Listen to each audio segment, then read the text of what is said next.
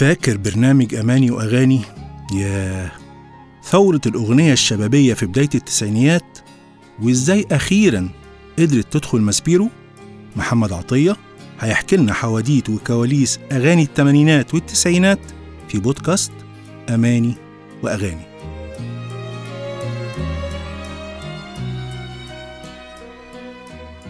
دايما الجمهور عنده تصورات عن الفنانين وبيبني عليها بعض الآراء. الآراء دي ممكن تطلع صح وممكن تطلع غلط.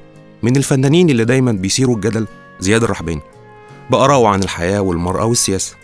في قناعة عند كتير من الناس إن زياد الرحباني كل اللي بيقدمه ممكن يتصنف على إنه فن ملتزم أو على الأقل هنقول إنه فن هادف مش الغرض الرئيسي منه المكسب المادي أو الشهرة الفنية. زياد شخصية جدلية جدا واضح حد التجريح وصريح حد الوقاحة من الفنانين القليلين جدا اللي عندهم اتساق مع أفكارهم وبعيد عن كونه فنان فهو دايما شايف نفسه إنسان عادي له أخطائه وعنده كل التناقضات اللي ممكن نشوفها في كل البشر. عشان كده ما كانش عنده مشكلة إنه يقبل بسبوبة أو نحتاية في مقابل إنه عايز يفك أزمته المادية. الكلام ده كان وقت الحرب الأهلية اللبنانية اللي الكل تقريبا كان قاعد في البيت من غير شغل. زياد وقتها كان عايز يغير عربيته. شاف عربية لونها كحلي مستعملة وكان عايز يشتريها لكن الأزمة المادية كانت شديدة جدا وصاحبها كمان كان طالب فيها 8000 ليرة. طب إيه العمل دلوقتي؟ وزياد هيجيب الفلوس منين؟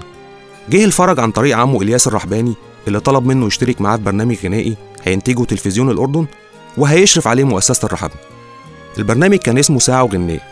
البرنامج ده زياد بيقول عنه إنه أغرب برنامج في الكون برنامج كان فيه أكتر من 120 أغنية. يعني مفيش أي حجة للرفض عشان يفك الأزمة المادية. زياد على طول افتكر العربية وتمنها اللي مش قادر عليه. فسأل عمه هتدفعوا كام في اللحن؟ رد عمه اللحن الواحد بألف ليرة.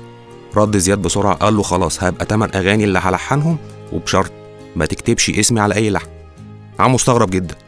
يا ابني في 120 أغنية تمانية بس ليه؟ زياد رد وقال له أنا مش عايز غير تمن العربية. عمو طبعا خرج غضبان وقال له أنت مجنون وعمرك ما هتتغير أبدا.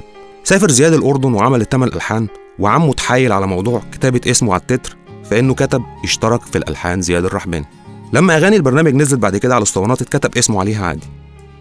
لكن النقطة المهمة في القصة كلها إن زياد رغم إنه ما كانش مقتنع بالبرنامج وشايف إنه سبوبة وهتخلص لكنه فعلا عمل ألحان حلوة جدا.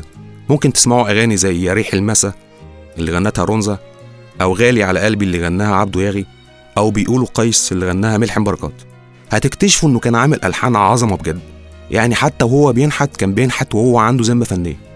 رجع زياد على لبنان وفضل لحن واحد بس من الألحان التمانية اللي حطها مستخسره في البرنامج. اللحن ده كان اسمه ورقه الأصفر شهر أيلول. ففكر ليه ما عرضوش على الست فيروز.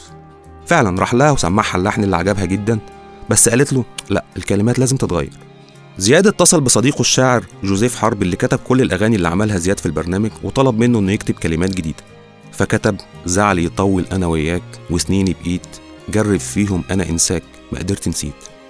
الأغنية دي نزلت في ألبوم اسمه معرفتي فيك سنة 81 أو 83 اللي بيعتبر أول ألبوم بالكامل بيلحنه ويوزعه زياد لفيروز بعد انفصالها فنيا عن الأخوين رحباني الألبوم كان ثورة موسيقية في الفترة دي. أول مرة سمعوا منتج ألبومات فيروز قال له بالنص كده دي حاجة تنفع اللي بره مش هنا. إزاي الناس هتقبل فكرة إن فيروز تغني على موسيقى الجاز؟